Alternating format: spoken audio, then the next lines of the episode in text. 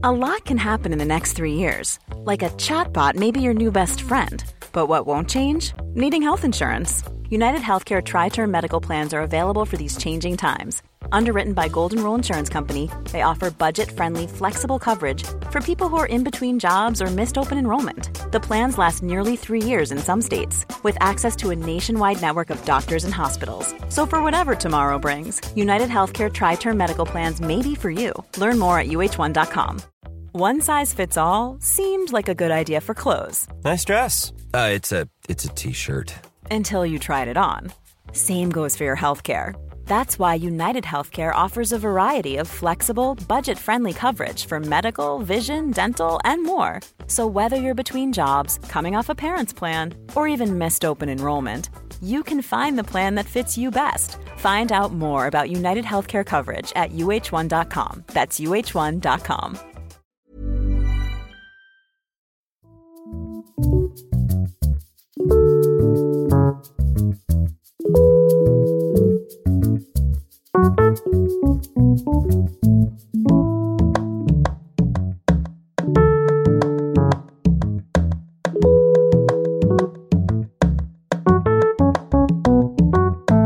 och hjärtligt välkomna till ett nytt avsnitt av Sinnessjukt, en sömnig psykiatripodd med mig, Christian Dahlström. Idag har det äntligen blivit dags att tala med en ätstörningsexpert. Vi har ju pratat om ätstörningar vid enstaka tillfällen tidigare, bland annat i mina intervjuer med Fanny Rötlisberger förra året och Saga Bäcker för åtta år sedan, hösten 2015 där de berättat om sina erfarenheter av att leva med ätstörningar. Men jag har aldrig haft med en expert i bemärkelsen någon som behandlar och forskar på ätstörningar och eh, det har jag haft eh, dåligt samvete för måste jag säga. Ett problem som kanske kan ursäkta mig lite grann i alla fall är att det inte verkar finnas så många bra populärvetenskapliga böcker om ätstörningar på svenska. Jag har frågat efter sådana vid ett par tillfällen, inte minst när lyssnare har önskat det här ämnet, men ingen har kunnat rekommendera en enda. Jag eh, vill ju såklart alltid göra bra research inför intervjuer för att kunna ställa initierade frågor. Det finns i och för sig en del självbiografiska böcker och romaner om ätstörningar på svenska, till exempel Marit Salströms utmärkta verklighetsbaserade roman Och runt mig faller världen som jag läste för förra året.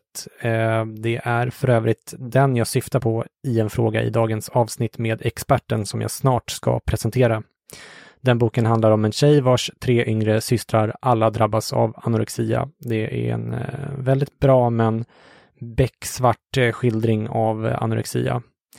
Dagens gäst är den amerikanska psykologen och psykologiprofessorn Cynthia Bulick och det var faktiskt min förra gäst, Amir Sariaslan, som rekommenderade henne varmt när vi pratade efter intervjun med honom i Oxford i maj. Den intervjun handlar ju för övrigt om psykiatrisk genetik och om ni vill veta mer om det ämnet när ni hört den här intervjun, där vi ju bland annat kommer att prata om hur ärftligt ätstörningar är, ja, då finns den intervjun med Amir i de eh, fyra avsnitten precis innan detta. Cynthia Bulick har varit verksam i det här fältet i över 40 år, både som behandlare och forskare och har forskat på många olika aspekter av ätstörningar, men kanske framför allt på just genetiken. Hon är professor på både University of North Carolina, där hon bor numera, och på Karolinska institutet här i Stockholm, där hon har bott tidigare.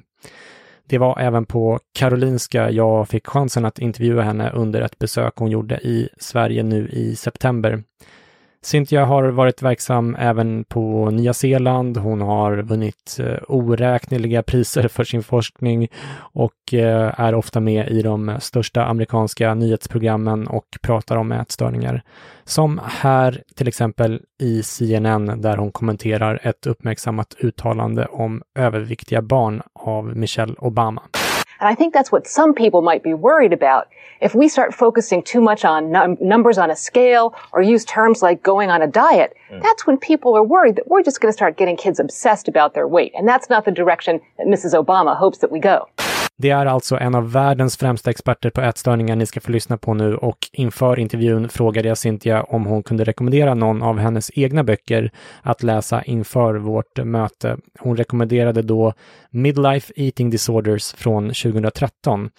Den är på engelska och handlar främst om ätstörningar bland medelålders personer som titeln avslöjar, men jag rekommenderar verkligen alla som är intresserade av ätstörningar att läsa den oavsett ålder. Om ni vill veta mer om boken så kan ni läsa min lite längre recension av den som jag har publicerat inför det här avsnittet. Länk finns i avsnittsbeskrivningen. Köper ni boken via någon av länkarna i recensionen så går dessutom ett par kronor till mig och inte minst mina bolån. Eh, intervjun är i fyra delar. Det är ganska mycket information att ta in, så det blir lite kortare delar så att vi alla hänger med. Den första delen, som ni ska få idag, inleds som vanligt med en faktaruta. Sen berättar Cynthia om hur hon först blev intresserad av ätstörningar och om de freudianska ovetenskapliga teorierna som dominerade i slutet av 70-talet då hon började studera psykologi där man eh, skyllde ätstörningar på familjen och eh, där en av behandlingarna var så kallad parentektomi, där man helt enkelt inte lät barnen träffa sina föräldrar under flera månader. Vi kommer även in på anorexia, där vi får höra både om grundsymptomen och symptomen bortom diagnoskriterierna, men också om hur allvarligt sjuk man kan bli och om hur kroppsuppfattningen påverkas. I del två sen fortsätter vi att prata om anorexia och kroppsuppfattning. Vissa patienter är väl medvetna om att de är för smala och jag frågar Cynthia ifall den medvetenheten kan variera över tid. Jag frågar även ifall det stämmer att anorexia är den psykiska sjukdomen med högst dödlighet.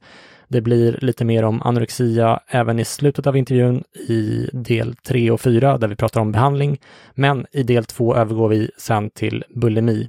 Även där pratar vi om grundsymptomen eller diagnoskriterierna om man så vill, men också om symptom bortom de här diagnoskriterierna. Dessutom pratar vi om hur allvarligt bulimi kan bli och om att bulimi ofta inte får lika mycket uppmärksamhet som anorexia samt om eh, vad som skiljer bulimi från diagnosen anorexia med hetsätning eller självrensning. Del två fortsätter sen med den vanligaste ätstörningen av alla, hetsätningsstörning, som eh, länge faktiskt inte ens var en egen diagnos.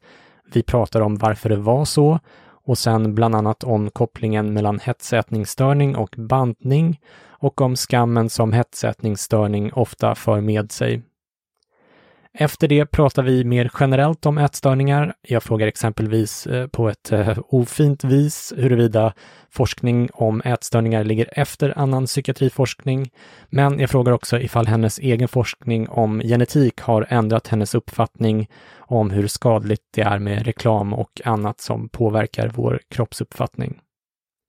Sist i del två får vi dessutom expertfrågorna som den här gången kommer från ingen mindre än forskaren och överläkaren Lotta Borg Skoglund som frågar om kopplingen mellan NPF och ätstörningar, vilket var väldigt intressant. I del tre kommer vi in lite på genetik. Hur ärftliga är ätstörningar jämfört med andra psykiska sjukdomar? Vi pratar även om en av Cynthias och kollegors senaste studier som publicerades i Nature i juli i år om den genetiska skillnaden mellan anorexi och persistent finnes som jag inte hittade någon svensk term för, men som innebär att man är väldigt smal helt enkelt, men har svårt att gå upp i vikt trots att man ofta vill det. Jag frågar även ifall man ärver en sårbarhet för specifika ätstörningar eller ätstörningar i stort. Dessutom pratar vi en del om fördomen om att det bara är tonårstjejer som drabbas av ätstörningar, att eh, diagnostiken utgår från tjejer och att killar därför kanske förbises ibland, om att eh, medelålders personer med ätstörningar har lättare att dölja dem för omgivningen, vilket också förstärker den här fördomen om att det bara är tonårstjejer som drabbas.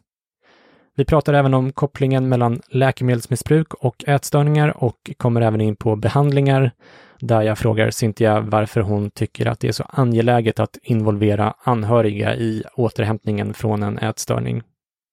Jag frågar även där varför så många med ätstörningar inte känner sig förtjänta av att få hjälp, vilket ofta tyvärr är det första hindret på vägen.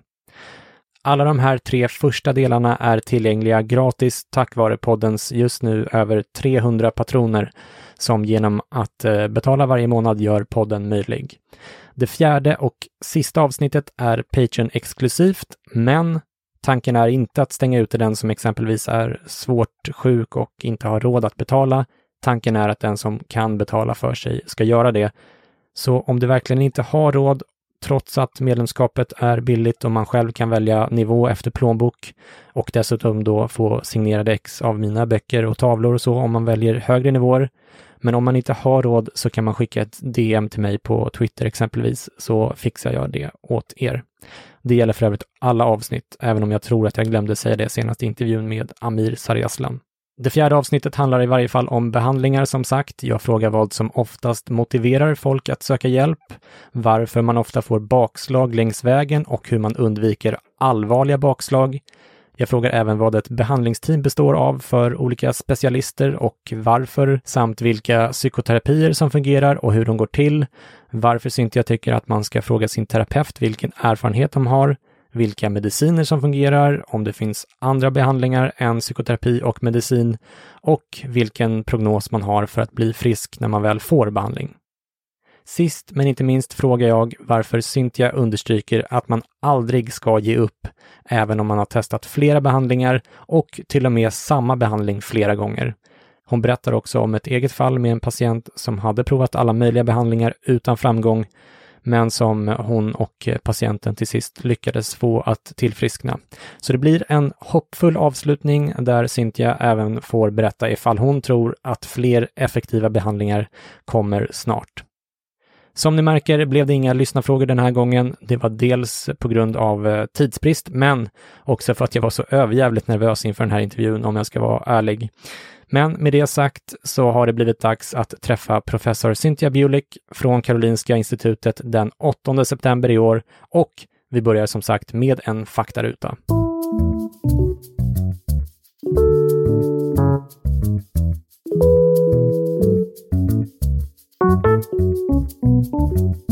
Age?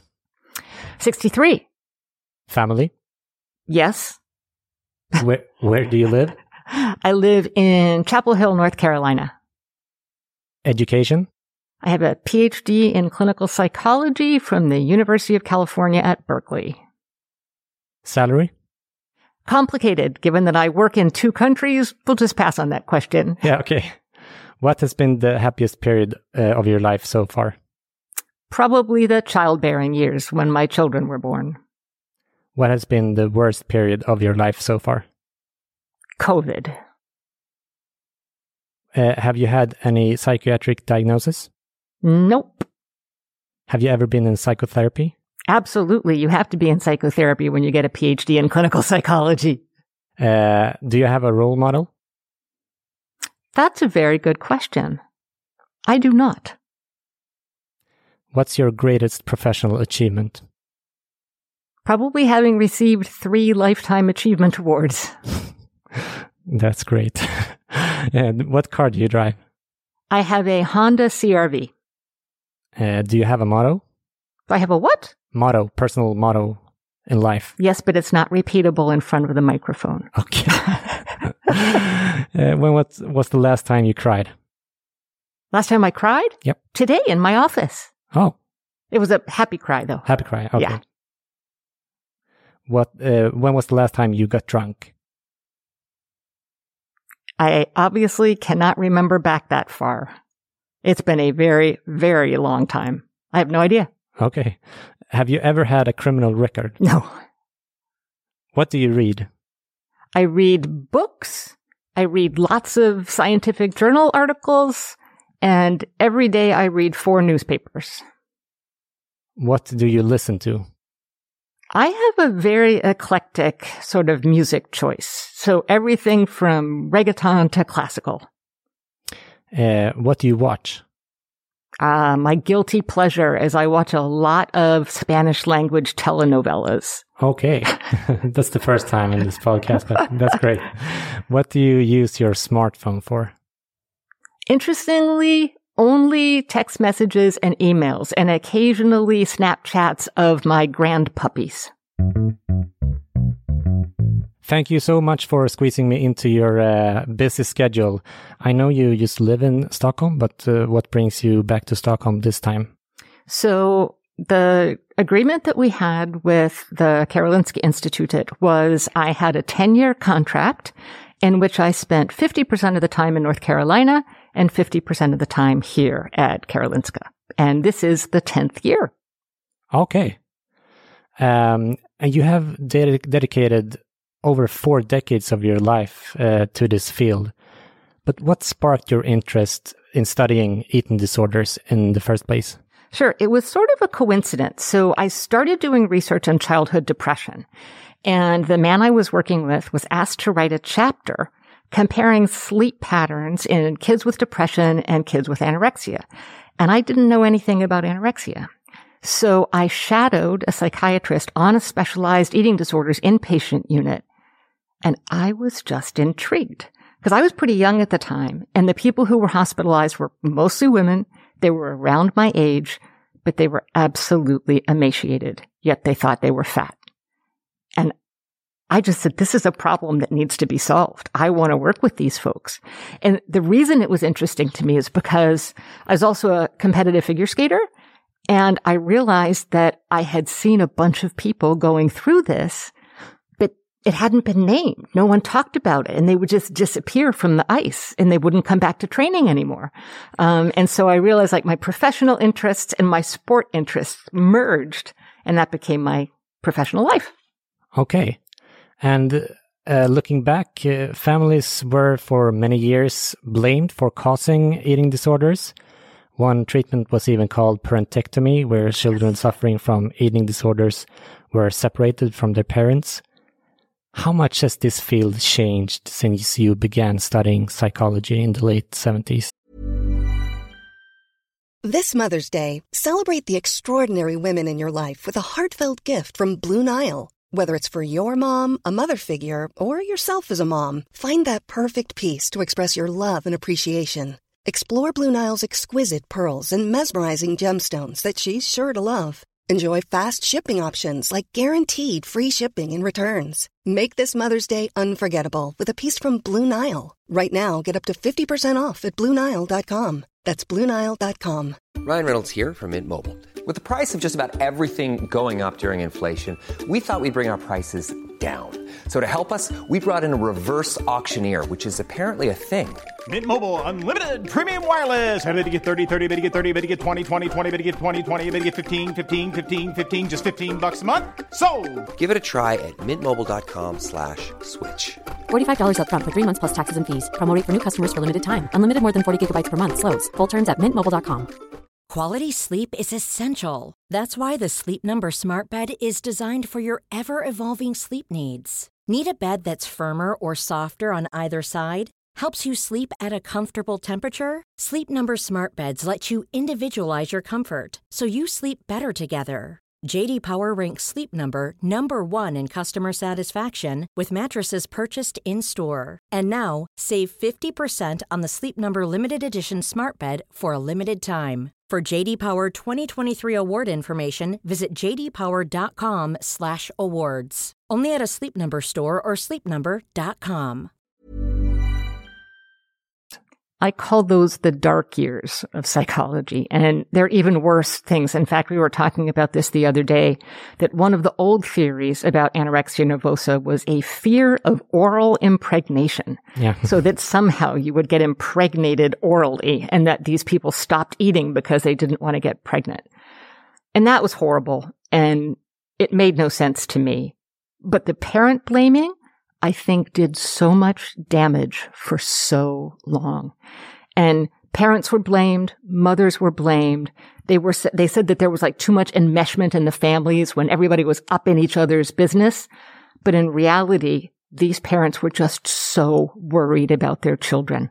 The hardest thing as a parent I mean, our job as parents is to feed our children and help them grow. And when a child stops eating, that is terrorizing for parents and they don't know what to do. And we saw those pa- parents when they were coming in saying, I don't know what to do. Um, so I can't tell you the number of patients and parents that we've had who have been blamed for their kids' illness. The field has completely transformed. And now we know that parents can be our best allies in treatment and our best allies in recovery. So now whenever we can, we engage parents in the treatment process. Yeah. I read you somewhere that you almost had uh, bad feelings about yourself um, believing in this uh, family because everyone, I guess, did back then. Yeah, I mean, it was like, I mean, it's the first time I taught about eating disorders at an, on an undergraduate level. I taught these theories, and when I look back, I'm like, oh, I wish I could like call up every student that was in the classroom and I can go, no, no, no, don't believe any of that stuff. But that's all we knew at that point. That's all there were, were theories. And most of them were actually developed by um, psychologists and psychiatrists who lived in areas where a lot of very wealthy people lived and they were able to get there for treatment. So they were only seeing a small slice of the people who were actually being sort of like suffering from the illness. So, so yes, I apologize to all those people who learned about these theories that really don't hold water at all. No. I'm uh, uh, studying a lot of psychoanalyst uh, history and I I get the sense that was a lot of psychoanalytic uh, theories that were behind those uh, things. No, exactly. I mean, that's where it all came from. And, you know, when I was learning how to be a therapist, how to do therapy, I was supervised by a lot of people who were analysts. And I listened to their suggestions about what I should do. And they were telling me things. I, will I'll tell you a story. So I had this one patient who was very ill. She had bulimia and she had alcohol abuse. And she was showing up in the emergency room on the weekends because she was binge drinking and she was binge eating and she was underweight. And we were doing this therapy, not talking about the symptoms, very psychoanalytically oriented psychotherapy. And my supervisor, she used to smoke during supervision, would, you know, drag on her cigarette and say, Oh, what a great interpretation. You're doing such good work with this person. And I was like responding to her and going, uh, but she was in the emergency room last week, so I'm not thinking that's a success. Um, so I actually ended up switching supervisors, switching supervisors yeah. and taking a more cognitive behavioral approach to treatment. And then we could really focus on stabilizing the symptoms and getting this person well. Yeah. And and the most well-known eating disorder is probably anorexia. But for those who might not be familiar, can you just tell me a little bit about the core symptoms of anorexia? Sure. So the core symptoms of anorexia nervosa are um, being very underweight, losing a lot of weight, or if you're still growing, not gaining weight to compensate for your growth. Um, often people will still see themselves as large, even though they're emaciated. So they have a very strong drive for thinness. Uh, women often, but not always, will stop menstruating. Um, and, you know, it's going off the, the diagnostic categories. I think one of the difficult things about anorexia nervosa is people just do not see themselves accurately. Not just their shape and size, but also who they are as a person and their accomplishments. Their self-esteem tends to be absolutely horrible, even if they're highly accomplished people. Yeah, and you describe anorexia as a perplexing and harrowing disorder that comes in a variety of presentations and degrees of severity. Can you tell us a little bit about these variations? Yeah. So some people with anorexia nervosa get to that low weight only by restricting their food intake and increasing their energy output, so excessive exercise. There's a subgroup of people who do those behaviors, but also have periods of binge eating and or purging. So binge eating is eating an unusually large amount of food and feeling out of control when you do it. It's that combination. It's not just overeating like we all do every once in a while, but it's that sense of once you start eating, you can't stop. And then that can often be coupled with purging. So that can be self-induced vomiting. It can be laxative use or other ways to sort of counteract the effect of a binge. Yeah. I recently read um, a book about a woman whose three sisters all suffered from anorexia, and she described it as if the disorder had uh, taken on a life of its own. What initially was just a drive for being thin later became almost like a demon that had taken possession of her sisters. That's at least that's how she described it. Have you heard this uh, or similar descriptions before? Absolutely. And I think parents will say that as well. Another word that I've heard used often is that anorexia hijacked my daughter, my partner, my wife, whatever it might be. Um, but it really does get to the point where you have to separate out the person from the disorder. And anorexia nervosa can have a very loud and demanding voice. And it really does. Parents will say, like, this is not my child. This is not the child I knew last week. Suddenly something clicked or a switch went off and they became someone else. And then that's what we hope for through recovery is that they can get their person back again. Um, but still, there's always sort of that legacy of having gone through anorexia nervosa in the past. Yeah. Uh, you touched upon it a little bit uh, earlier, but uh, in addition to these uh, diagnostic uh, criteria, you also describe in your book hallmark features of anorexia as a paralyzing sense of perfectionism, low self-esteem, anxiety in childhood, depression, self-consciousness, and uh, preoccupation with symmetry and exactness. And I don't know, but it seems to me almost like a you know a cocktail of traits from several other mental disorders. Uh, or how would you describe it? Is yeah, that fair? no. I think that's an interesting way of looking at it. And what we know from a lot of the genetic research that we're doing is that anorexia is related to other psychiatric disorders on a genetic level. In fact, the strongest correlation is between anorexia and obsessive compulsive disorder. And I think you mentioned a couple things like symmetry and exactness and yeah, perfectionism, yeah. and those are classically part of OCD. Yeah. Um, and we see that so often in people with anorexia nervosa. We also see it in their family members. So people who have anorexia nervosa have an increased risk of family members having depression, anxiety, OCD. Absolutely. Yeah, but it's also the like delusions and almost almost like a psychotic uh, dimension in in some sense, right? Yeah, that's one of the sort of more controversial ways of interpreting the experience of anorexia. Okay. But they do, I mean, when it comes down to it, they do perceive reality differently. Yeah than the rest of us do. And I have had patients who said things that sounded very delusional. You know, like after they would eat a meal, they would actually see their thighs spreading or they yeah. would feel their stomach yeah. getting bigger. And, you know, most of us, if we eat a meal, you know, we feel our pants getting a little bit yeah. tighter, but their experience is much bigger and much more exaggerated and much scarier than that of a healthy person. Yeah. And talking about that, you in your book you describe a 50 year old woman with anorexia who thought she looked fat when she was younger, but had long since kind of realized how thin she is.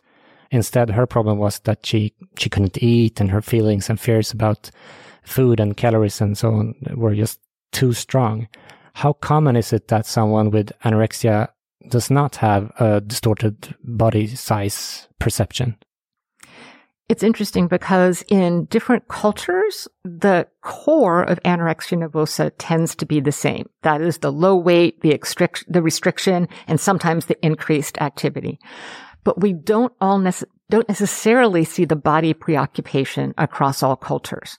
It's the drive for thinness is some is strong everywhere, um, but that same um, body focus is not necessarily always there, especially we've seen that in Asian cultures. And we've also seen, and this is sort of like a newer development on the anorexia side, but there's a new label that people are using that we don't love, and we're hoping people are going to change it, that is called atypical anorexia nervosa. Okay. And these are people who are in, well, either they haven't lost as much weight as necessary to meet the formal diagnostic criteria. So they've got all the rest of the symptoms of anorexia, but their weight isn't quite that low. Okay. Or it's people who actually are living in larger bodies, but are starving themselves. Okay. So they're engaging in the same types of behavior. And even though they're large, functionally they're starving. And they often have many of the same medical complications as people with anorexia nervosa. So we're hoping that that name will eventually be changed to restrictive eating disorders.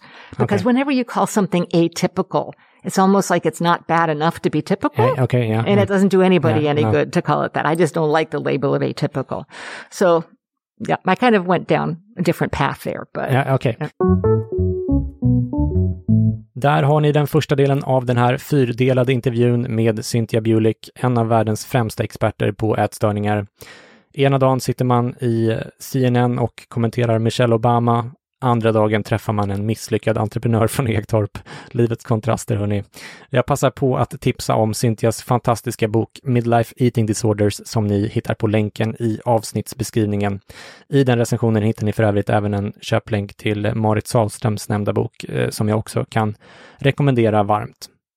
Innan vi skiljs åt vill jag bara en sista gång påminna om att Mental Health Run går av stapeln nu på lördag i Stockholm eller virtuellt 1 till 10 oktober var du än är i världen. I North Carolina, på Karolinska institutet, i Amazonas djungler, i eh, Orminge centrum, var som helst helt enkelt. Du behöver absolut inte springa heller. Det går jättebra att gå eller rulla eller ta sig fram hur du vill. Jag såg att någon skulle paddla kajak virtuellt exempelvis. Det gör man som man vill. Mentalhealthfront.se för mer info och anmälan. Allt överskott går till mer forskning, till exempel faktiskt till en forskare som nämns senare i intervjun, Lisa Dinkler som forskar med eh, Cynthia och är en av alla forskare som fick stipendium i år av ehm, Fonden för psykisk hälsa till hennes eh, forskning om ARFID eller undvikande restriktiv ätstörning som det heter på svenska. Jag arbetar ju lite för fonden som ni vet, så jag är partisk här, men eh, det är en folkfest som jag sprang många gånger innan jag fick det uppdraget också. Okej, kära vänner, ta hand om varandra där ute nu, så hörs vi snart igen. Puss och kram, hej då!